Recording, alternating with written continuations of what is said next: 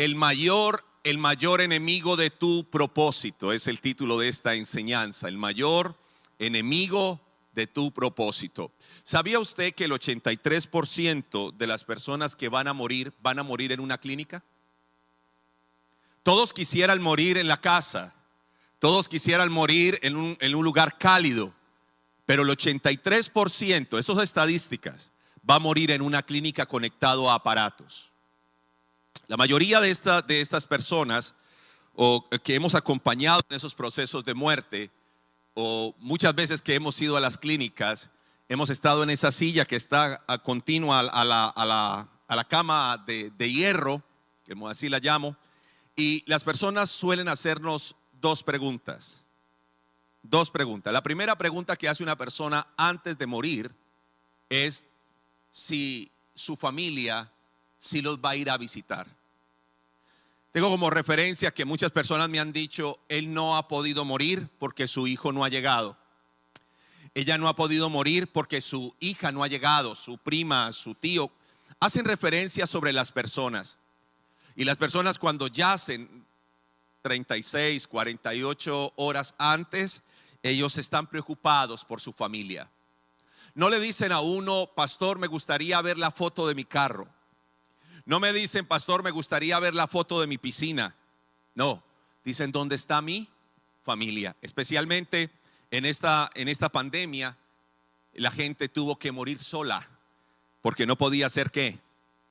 Visitada. Y la segunda pregunta que suelen las personas hacerme es, pastor, si hoy muero, ¿me voy con el Señor? Si yo hoy muero, ¿me voy con Él? Porque les preocupa su eternidad. Pero permítame mirar por el retrovisor. Permítame preguntarle por su propósito. Permítame devolverme en su vida y preguntarle hoy, 2022, primero de mayo, ¿qué estás haciendo con tu vida? ¿Qué estás haciendo con tu propósito? ¿Qué estás haciendo con tu llamado?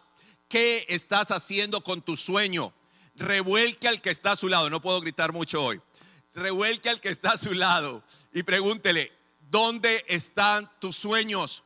¿Dónde está tu propósito? ¿Dónde está tu llamado? ¿Dónde está? ¿Dónde está lo que me dijiste? Dijiste que ibas a hacer. ¿Dónde está eso? Muchos de nosotros, amados, lo primero que hacemos cuando hablamos de propósito es que echamos la culpa a alguien o a algo que nos frustró o que nos detuvo en lo que queríamos hacer. Y se va pasando el tiempo. Cuando la Biblia habla que lo más grande del ser humano es encontrar su propósito. Y el propósito tiene dos brazos. El primer brazo del propósito es ser. El primer brazo del propósito es ser. Y el segundo brazo del propósito es hacer. No se puede hacer sin ser. Repítalo conmigo. No se puede hacer sin ser. Ahora, hay una gran ventaja para nosotros como hijos de Dios. En el Salmo 138.8, la Biblia dice, el Señor cumplirá su propósito en mí. Repítalo por favor conmigo. El Señor cumplirá su propósito en mí. La palabra hebrea para propósito es Geser, que habla acerca de hacer algo con deleite.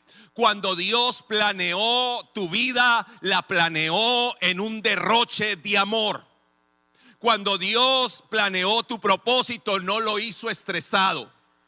Cuando Dios planeó tu propósito, lo planeó enamorado. Y cuando uno está enamorado, escribe las mejores canciones, los mejores versos, los mejores poemas. Cuando usted está enamorado, usted es invencible. Cuando Dios te planeó, lo planeó enamorado. ¿Y qué dice la palabra? El Señor cumplirá su propósito en mí.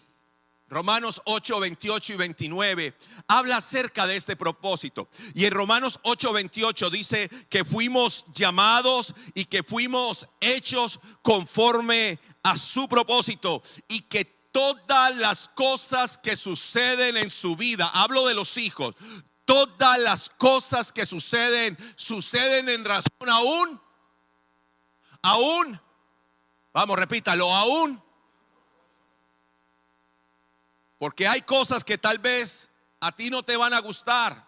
Y no quiere decir que todas las cosas que suceden te van a gustar. Pero sí tienen un propósito. Algo te están enseñando. Y la Biblia dice que esto sucede a los que son hechos, versículo 29 de Romanos 8, conforme a la imagen de su Hijo. La primera parte del propósito en la vida de uno es ser.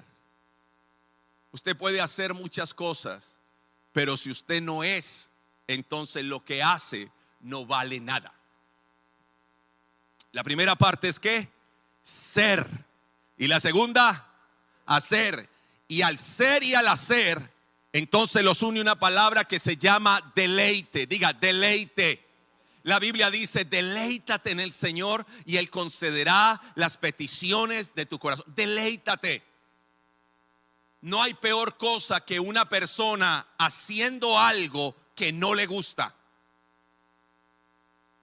No hay peor cosa para un ser humano intentar hacer algo de lo cual no está convencido. He visto personas sin propósito y eso es igual a verlos sin Dios. Cuando una persona no tiene propósito, le vale la vida.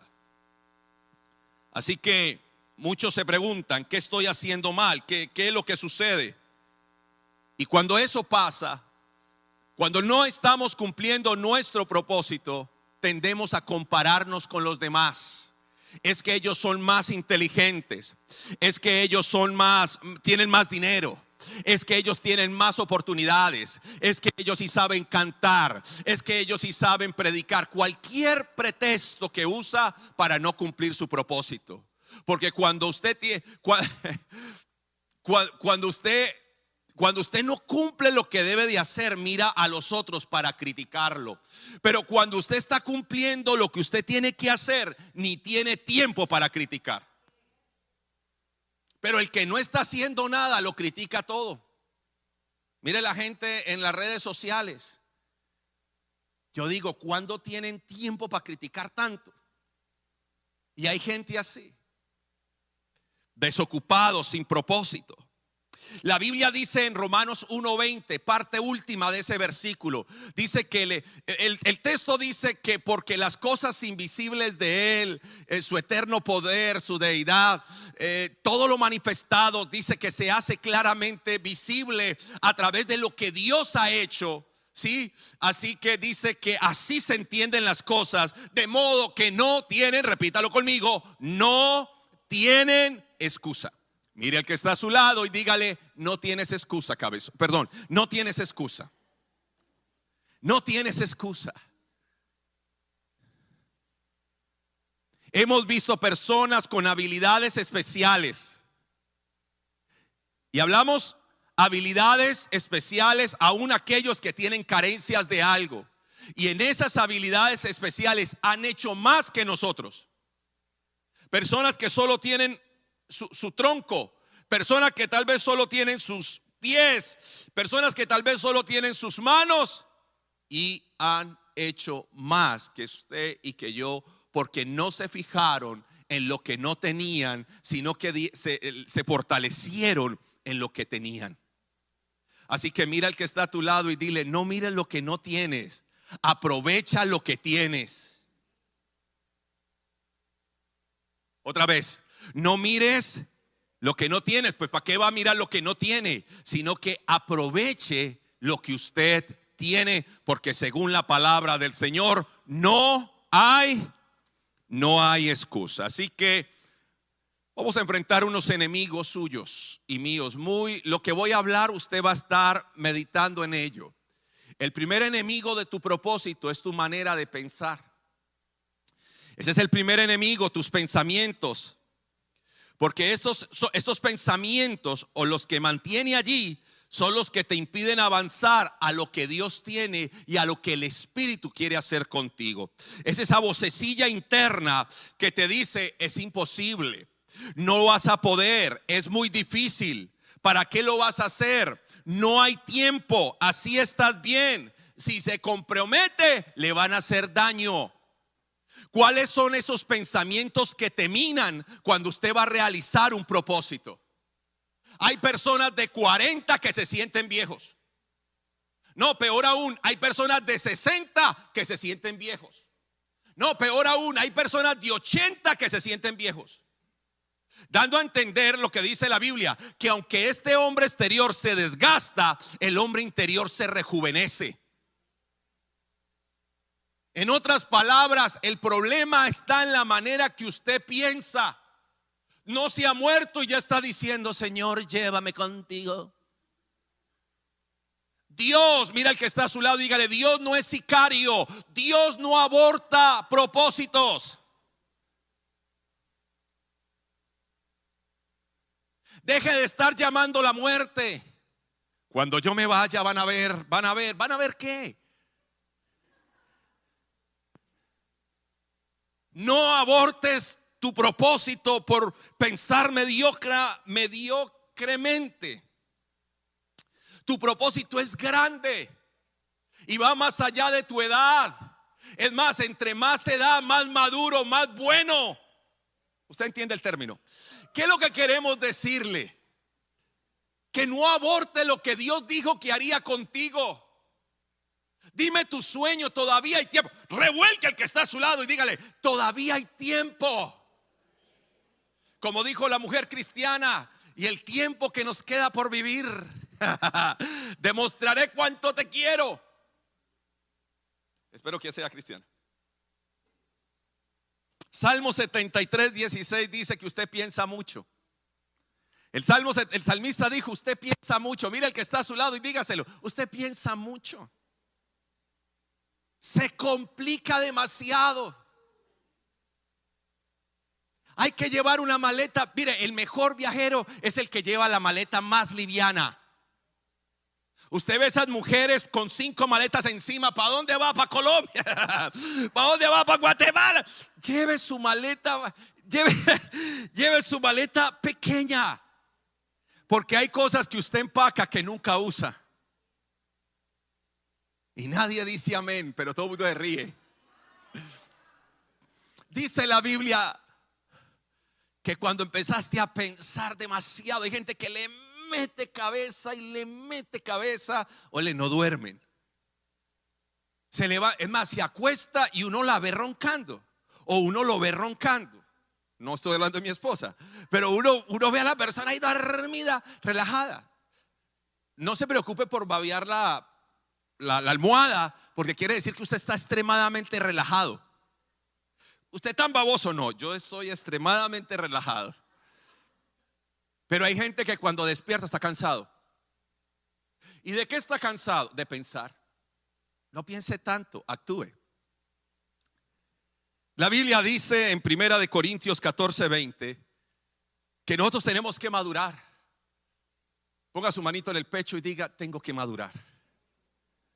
Le voy a decir que es madurar, dejar el pasado atrás dejar de comportarse como niño.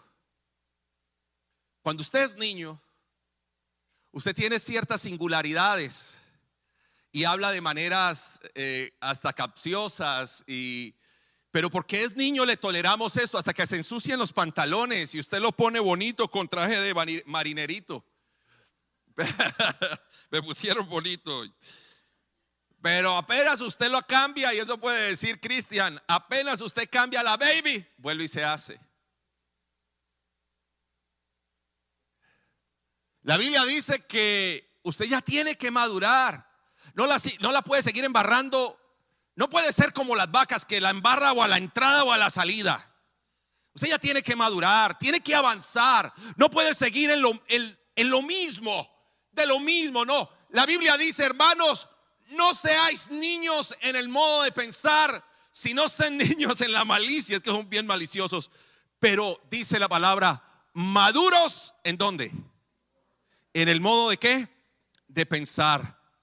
Así que necesitamos, el primer enemigo que tienes que vencer es la manera en que estás pensando. La mayoría de lo que piensas tiene una connotación irracional. Alguien se ríe y usted dice, "Mm, fijo se está riendo de mí. Eso es irracional, ¿qué? Se creyó, se cree pues la última Coca-Cola del desierto. Deje de estar pensando que la gente es una amenaza para ti. Deje de estar pensando que el universo está unido en hacerte mal. Mire el que está a su lado y dile, tú no eres una amenaza para mí. Ni yo soy una amenaza para ti. Pero necesitamos cambiar la manera de qué? De pensar. Si usted no cambia su manera de pensar, no cambiará su manera de vivir. Es más, hay personas que uno se da cuenta de que están en Estados Unidos porque, porque caminan por las calles de Estados Unidos. Pero estando en Estados Unidos, apenas uno pasa la puerta de su casa, siguen viviendo como vivían en sus países. Y no porque esté mal, al contrario, qué lindo es nuestros países, pero hay personas que tienen una manera que no es por, eh, por carencia, que son cochinos. No es por carencia que no se visten bien, sino porque es un problema de mentalidad. No es un problema con lo que come, sino con lo que piensa que come. No, no, no, no es un problema con quién te relacionas, sino el ambiente que haces. Amados, si cambiamos nuestra manera de pensar, cambia nuestro entorno. Deje de estar mirando este país como algo difícil y empiece a disfrutarlo. Dios te puso aquí, toque al que está a su lado para que se sienta vivo. Dígale, Dios te puso aquí para que lo disfrutes.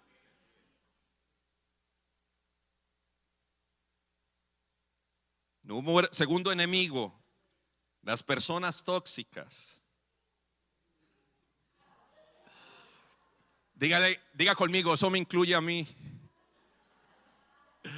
Yo les conté la historia de un hombre que siempre estaba buscando la mujer perfecta, ¿verdad? Y él decía, ah, yo creo que ella, porque la veía muy hermosa, pero tenía un temperamento endemoniado. Luego encontró una que, que era hermosa y tenía un temperamento, tenía un temperamento maravilloso, pero ya estaba comprometida. Y luego encontró una perfecta, la encontró hermosa como la quería, voluptuosa eh, la encontró inteligente y la encontró soltera. Y cuando él le dijo, tú eres la mujer perfecta para mí. Y ella le dijo, pero tú no eres el hombre perfecto para mí. ¡ah! ¿Cuál es el problema, amados? Que a veces no es que las personas sean tóxicas, sino que somos tóxicos. Alguien dijo, soy normal hasta que me enamoro. Es posible que esté rodeado de personas tóxicas que en lugar de levantarte te derriban, que son expertos en desanimarte, son negativos.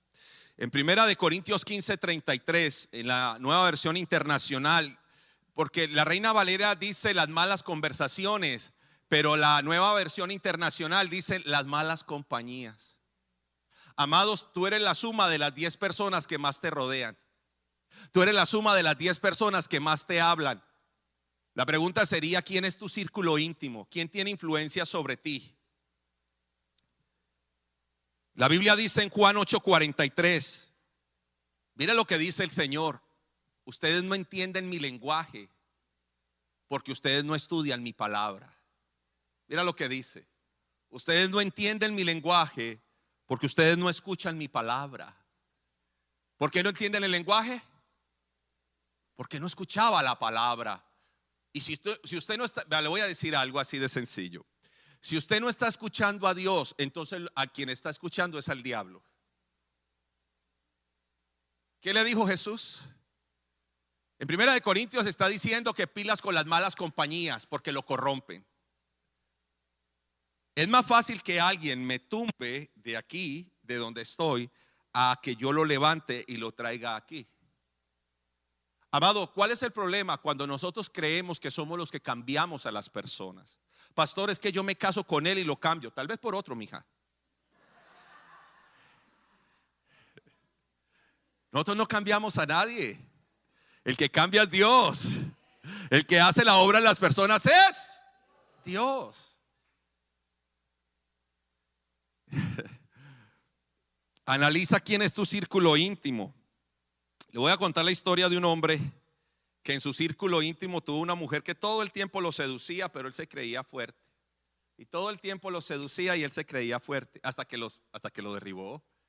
Pilas con el círculo íntimo. Dice la palabra en jueces 16, 16 que aconteció que presionándole ella cada día con sus palabras e importunándole, su alma fue reducida a mortal. Problema de Eva fue cuando empezó a hablar con Satanás, no cuando terminó. Hay conversaciones que no se deberían iniciar. Hay cosas que no se deberían hablar. Me dijo un hombre, ¿sabe qué pastor? Yo le voy a decir a esa muchacha que no más. Yo sé que no me conviene. Venga, ¿para dónde va? A decirle eso. Si va, se queda. Hay de una cosa que el Señor dice que huya, de las pasiones. Si usted va, se queda. ¿Y qué fue lo que hizo esta mujer? Versículo 17 dice, le, vamos, le descubrió pues todo su corazón y le dijo, nunca a mi cabeza ha llegado una baja, porque soy nazareo de Dios desde el vientre de mi madre. Si fue derrapado, mi fuerza se apartará de mí y me debilitaré y seré como todos los hombres. Pilas, ojo, mírame por favor. Pilas a quien te haces vulnerable. A quien le estás confiando tu vida. Es más allá de mandar una foto. Es más allá de mandar un texto es a quien te estás haciendo vulnerable. Porque la mayoría de las personas que usted cree que son fieles a ti, no lo son. Y tienes que cuidarte mucho a quién le estás abriendo tu corazón. Porque posiblemente le abres tu corazón a la persona equivocada. Ábrale su corazón a Dios. Dígale, Señor, aquí estoy, yo me abro a ti totalmente necesitas ser transformada, necesito ser transformado. Ahora, la mayoría de personas que no se alejan de relaciones tóxicas, no se alejan por una razón. Póngalo ahí en sus notas o recuérdelo. No se alejan por el tiempo invertido. Llevan 15 años con el mismo novio eterno y sabe que no le conviene, pero dice, no, es que 15 años le invertí. Yo he encontrado mujeres que su, su esposo le deja el ojo colombino, el ojo chocolate, el ojo morado, el ojo horrible. Y, y usted sabe que el maltrato no es justificado aunque la persona haya fallado. No hay razón, aunque una mujer falle, no hay razón para pegarle. O un hombre, ¿no? Incluyalos también, que los hombres también son maltratados. Varones, sí o no. Muchas gracias. Ahora, ¿cuál es el tema? Ah, no, pues ahora el maltratado. Escucha, las personas se unen o se mantienen unidas a personas tóxicas porque sienten que esa persona les debe algo. Ah, no, es que 20 años al lado de él. No, ya, o sea, sienten que, que van a perder. La otra razón es porque se sienten avergonzados donde digan no y que van a decir, viata, no, prefiero me quedo con el mocoso. Entonces muchas personas están en, en relaciones, en, en matrimonios, en, están con amigos, en relaciones de amigos que no sirven. Usted sabe que no sirve, pero le da miedo a la soledad. Hay personas que se mantienen unidos a personas sin propósito por la soledad. No sé cuántos de aquí le tienen miedo a la soledad, pero prefieren estar unidos a un, a un tiesto, a un ente, a una cosa rara, a un lacayo. Prefieren estar unidos ahí a ser libres, porque le tienen miedo a la soledad. Ponga su mano en su pecho, le voy a enseñar algo importante. Usted es completo en Cristo. A nosotros nos enseñaron la teoría de la media naranja, ¿sí o no? Y aposta te encontraste fue con medio limón. Pero ese es el problema, que nos enseñaron que nos faltaba algo. Es la misma teoría de Satanás. Satanás le dijo a la mujer, con que Dios les ha dicho que si comen de ese fruto ah, se van a morir. No, es que si comen van a ser como, ya eran como Dios. Pero siempre estamos buscando a la persona que nos va a hacer feliz. Siempre estamos buscando a la persona que nos va a realizar cuando yo me case. Y cuando, y cuando la encuentra, se da cuenta que esa persona no te hace feliz. Porque uno no se casa para ser feliz.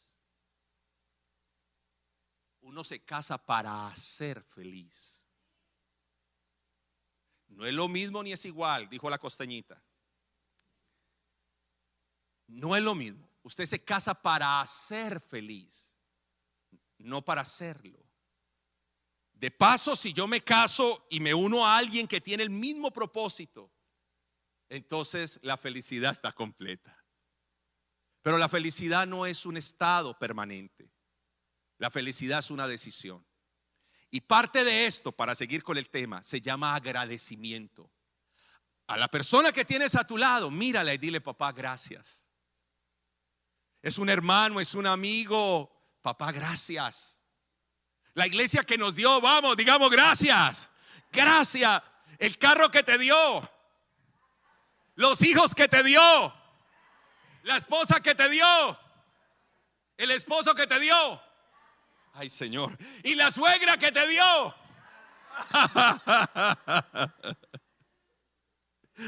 Quiero que le dé gracias. Escucha esto.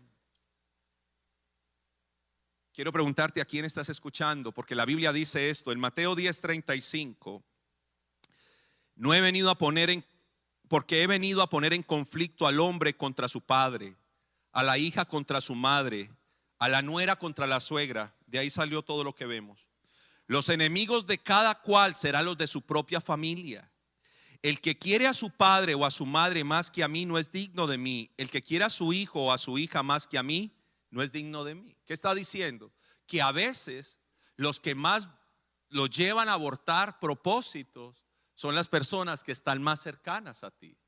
Y yo quiero que aprendas a escuchar a Dios, porque a veces el consejo de la esposa no es el consejo de Dios. A veces el consejo del esposo no es el consejo de Dios. Tal vez, muchas veces, y creo que lo hemos vivido y doy testimonio de eso, a veces es mi esposa la que me regaña y me dice, hey, ¿por qué estás pensando así, hermano? A veces soy yo el que le digo, no, señora, eso no está bien. Porque si yo, que soy la persona, mira, el hecho de amarle no significa que acepte todo lo que la otra persona haga. No es que amo a mis hijos, ¿verdad? ¿Por qué? Porque les doy todo y todo lo que quieran hacer que lo hagan. Eso no es amar. La permisividad no es amar. Amar también pone límites. Amar también dice no. Diga conmigo, no. Vamos, dígalo fuerte, no. Sí, no. Y eso no quiere decir que no lo ame. Porque lo ama, le está diciendo que qué.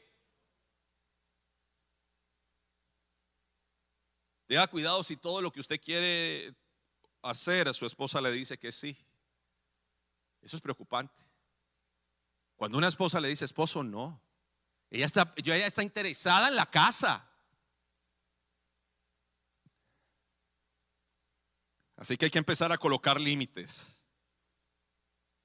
¿Estamos? Proverbios 22, 24 dice que no te entremetas con el hombre iracundo, que tenga cuidado. Y Proverbios 27, 9 dice que como una buena loción, que como un buen perfume, es el cordial consejo del amigo. Amados, un verdadero amigo lo exhorta a uno. Un verdadero amigo lo ubica a uno. Y muchas veces uno está o puede estar desalentado o desubicado y ahí llega esa persona y te ubica, te ayuda. No me voy a meter más en ese tema. Vamos al número tres, tercer enemigo de tu propósito, tu comportamiento y tus hábitos. Ahí necesitamos trabajar porque hay hábitos que ya no te sirven. Hay cosas que ya no sirven, necesitas cambiarlas. Así que vamos a evaluar un mes tuyo. ¿Listo? Tome 30 días de su vida. Primera evaluación. Vamos a empezar a modificar esto para avanzar al propósito. ¿A qué horas te, a qué horas te levantas y a qué horas te acuestas? ¿Ah?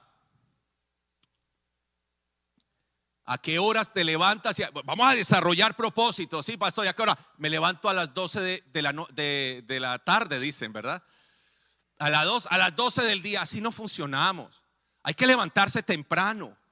Mi abuelo decía, al que madruga Dios le ayuda.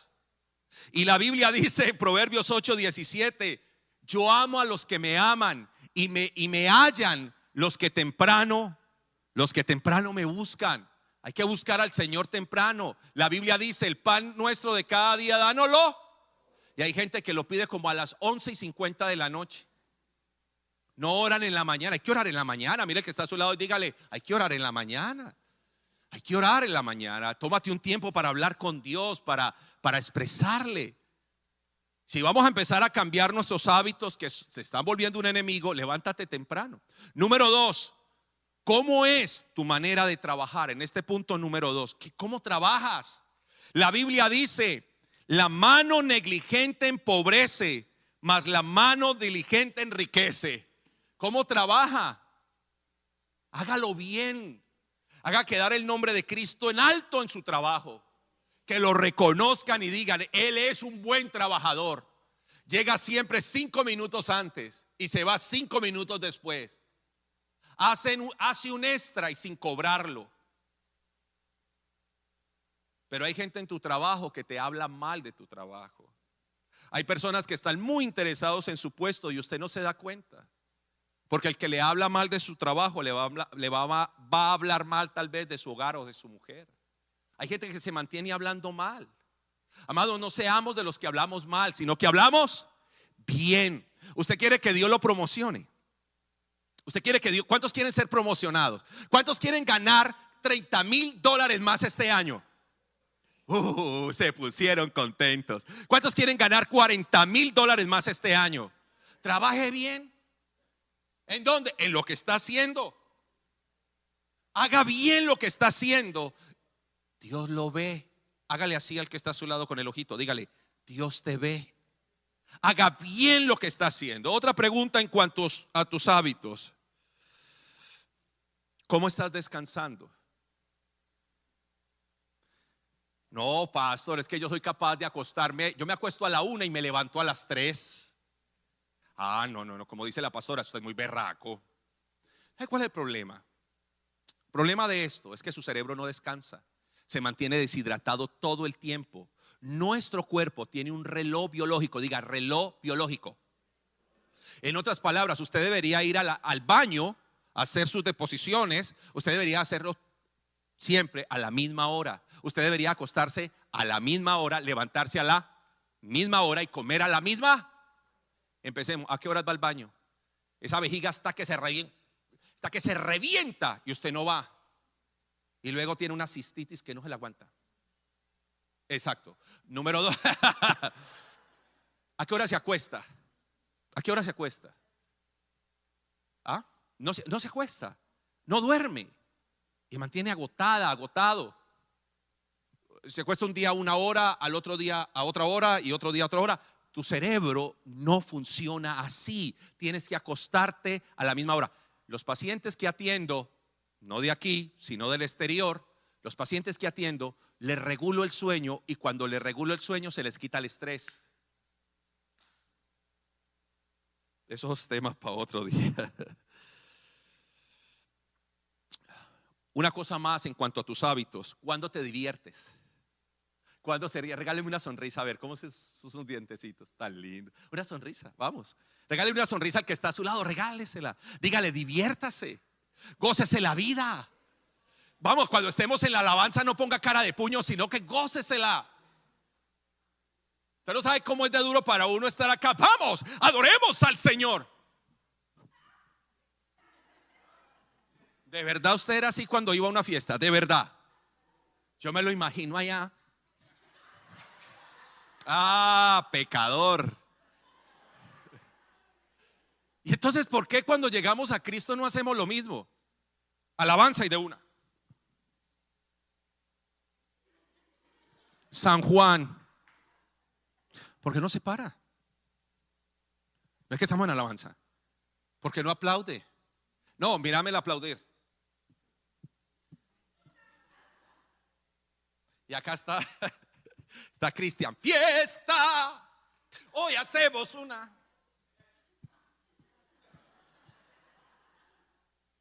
Para eso váyase para un velorio. Y se sienta y le dan cafecito. Pero cuando usted venga a la casa de Dios, aunque la casa de Dios es usted, cuando usted venga a este lugar, usted viene a una fiesta.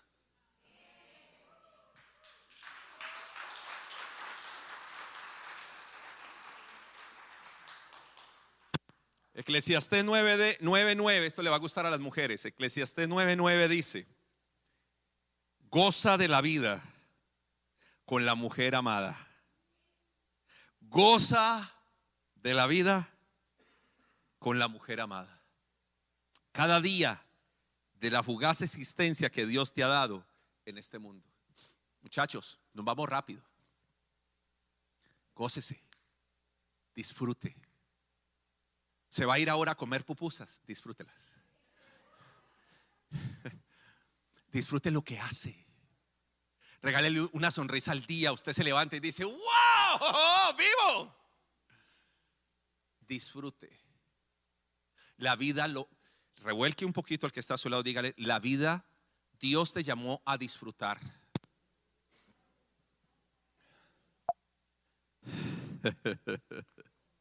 Allá debe estar la mujer en la casa. ¿Sí vio, mijo? Número cuatro. Ya entramos a la recta final. Cuarto enemigo, el desorden. ¿Qué, pasó? Cuarto enemigo, el desorden. El diga conmigo, el desorden exterior revela el desorden interior. Otra vez, el desorden exterior revela el desorden interior. Así que hay que llamar a orden. Hay que ordenar, hay que poner en orden las cosas. Pablo dice en 2 de Corintios 12:20, cuando yo llegue voy a poner orden.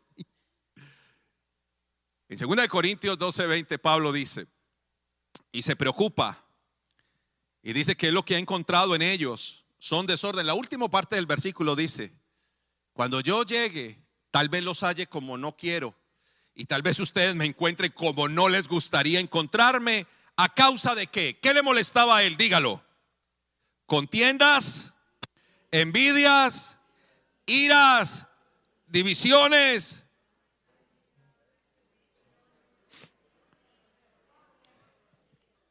Venga, pastor, una pregunta. ¿Y eso se da en una iglesia? Respóndame usted. Señores, dejen de ver esta iglesia como San, San, San, no sé qué, San Remanente. Esto es un hospital. Esto es un hospital de almas. Alguno aquí vino peleado esta mañana con la esposa. Pues no voy. Si no va, entonces no vamos a almorzar al restaurante que a usted le gusta. ¿Alguno? Créame, alguno tal vez vino después de una noche loca. Créame que uno encuentra eso en las, en las iglesias, pastor. Yo me acuerdo. Me gané un joven para Cristo y, y recuerdo que cuando llegó a la iglesia yo lo vi medio turuleco turuleco. Dice, ¿cómo van a traducir eso? Dice de una persona desordenada, ¿verdad? Por el alcohol. Y la, y, la mamá dijo, ¿qué hacemos? Y dijo, dije, déjelo, que Dios lo va a tocar. Y hoy es uno de los bateristas en una de las iglesias de remanente. Señores, venga, le digo algo. Esto es un hospital. Aquí vienen los amargados, los endeudados, y no voy a seguir diciendo cosas para que no se identifique, pero tiene que traer orden. La Biblia dice en Colosenses 2.5, porque aunque estoy ausente en cuerpo, no obstante en espíritu estoy con vosotros, gozándome y mirando vuestro buen. Dios te está llamando a qué? A orden. Empecemos por lo básico, tienda la cama. Vamos a empezar por lo básico. ¿Tienda qué? Lave la ropa. Organice la cocina. Si yo voy ahora a su casa, ¿cómo está la cocina? ¿Cómo dejó la cama? ¿Dónde quedaron los zapatos? Y el problema es que casa entre más chiquita se ve más desordenada. Porque en casa grande Uno cierra la puerta, pero una casa chiquita donde usted, usted no sabe dónde queda la sala y dónde queda la cama. Entonces todavía más complicado. Pero esto nos está llamando a qué? A orden. Hay que llamar a orden las finanzas. No se viven con finanzas ideales, se viven con finanzas reales. Porque usted vive como si ganara 200 mil al año y gana 50 mil. Y usted pregunta, ¿dónde está Dios? Y Dios te dice, ¿dónde estás tú? Atrevido.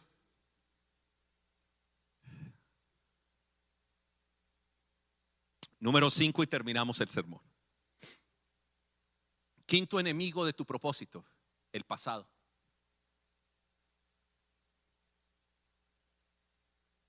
Lo, más peligroso de lo nuevo de Dios es lo viejo de Dios. Donde usted cree que las cosas se siguen haciendo de esa manera. Pero tenemos que renovarnos. Aún nuestra manera de presentar la palabra fue llamada a renovarnos. Aún la manera de cantar fue llamada a qué. Y todo cambia. El problema de nuestros países es que los sistemas educativos vienen siendo hace 150 años los mismos. Y no hemos querido cambiar. Pero amados, necesitamos dejar el pasado atrás y eso se llama madurar. Pasado no existe. Entonces, ¿qué existe? El recuerdo. A usted lo está matando el remordimiento, el recuerdo. Porque el pasado no existe.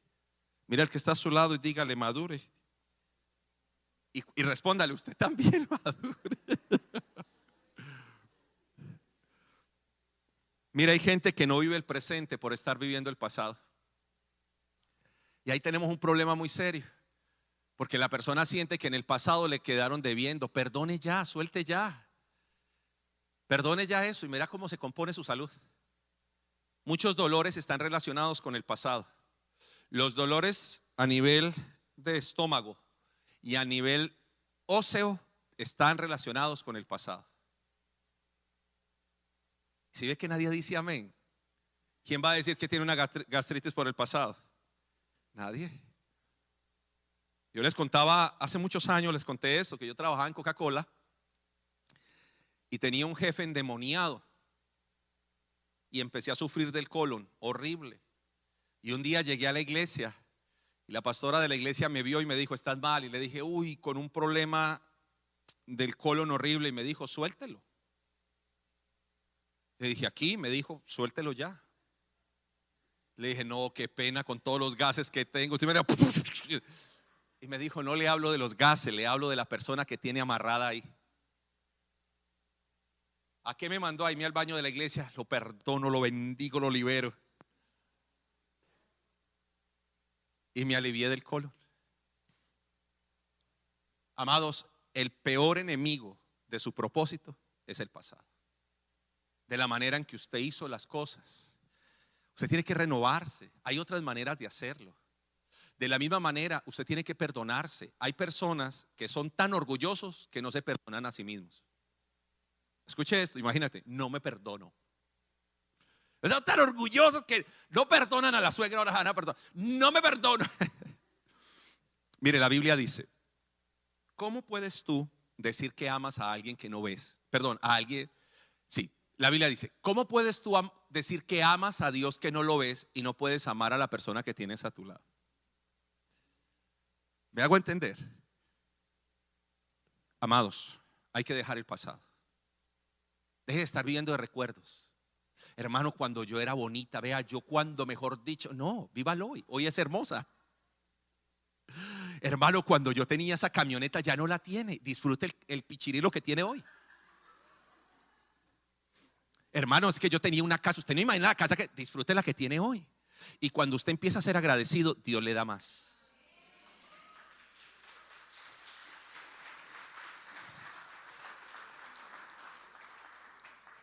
Isaías 43, 18 dice, no se acuerde de las cosas pasadas, ni traiga a memoria las cosas antiguas. Oh, esto es profético, tómelo pues. He aquí, yo hago cosa nueva. ¿Cuántos dicen amén a su vida en esto? Ah, no, pero espérate un momento, espérate un momento. Señor, retén ese versículo. tiene que dejar el pasado atrás. Porque cuando Dios da una promesa, da una demanda. ¿Cuál es la demanda?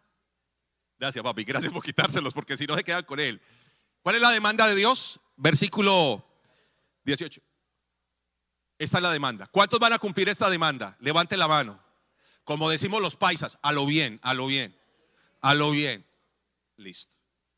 ¿Está claro? No me pida esta semana, pastor, porque no tratamos el pasado. Mire, hay personas que les gusta la sanidad interior, son masoquistas. Y vienen a sanidad interior y resanidad interior contra sanidad interior, hiper sanidad interior, porque les gusta ir al pasado los pillé. La mejor sanidad interior es la que Dios hace en el futuro. Y nuestro apóstol nos dijo, el futuro es ahora. Lo que usted quiere ver en el futuro, ¿cuándo lo tiene que empezar a ejecutar? Ya, now. Right now. Bueno, right now. Bueno, escuche esto. Ahora sí póngales el versículo 19. De algo sirven estos nueve meses. He aquí, yo hago cosa nueva, levante su mano. Allá los que están en casa, yo hago cosa nueva, pronto saldrá la luz, no la conoceréis, otra vez abriré camino en los desiertos y ríos en las soledades. ¿Cuándo? Ah, eso, casi se me enreda la lengua para decir en inglés. Escuche esto. Cuando usted deje el pasado atrás, Padre, esta palabra se cumple y tiene cumplimiento en el presente cuando tus hijos dejen el pasado atrás. ¿Cuántos dicen amén? Estamos hablando serio. Mírenme por favor. Deje el pasado atrás y lo nuevo de Dios vendrá. Oremos. Padre, te queremos dar gracias. Queremos caminar en propósito por mí y por mi generación. Padre, quiero caminar en propósito. Levante su mano. Yo le hablé de desorden. Yo le hablé del pasado. Yo le tuve que hablar a usted en esta mañana de personas, de su manera de pensar, de sus comportamientos y hábitos. No sé qué tengas que tratar hoy, pero hoy le dice, Señor, este enemigo, este enemigo es vencido en el nombre de Jesús. Esto es lo que me ha detenido, Señor, para, para realizar el propósito tuyo en mi vida. Pero hoy, Señor, yo traigo esto ante ti. Y yo te pido que me transformes y si es necesario, hazme de nuevo, Señor. Pero yo no tengo más excusas. Los pretextos se acabaron. Porque yo vengo en esta mañana y levanto mi mano y yo pido lo nuevo de Dios para mi vida. Y allí a los que están en casa, pida lo nuevo de Dios para su vida. Y dile, pero tengo un reto, Señor.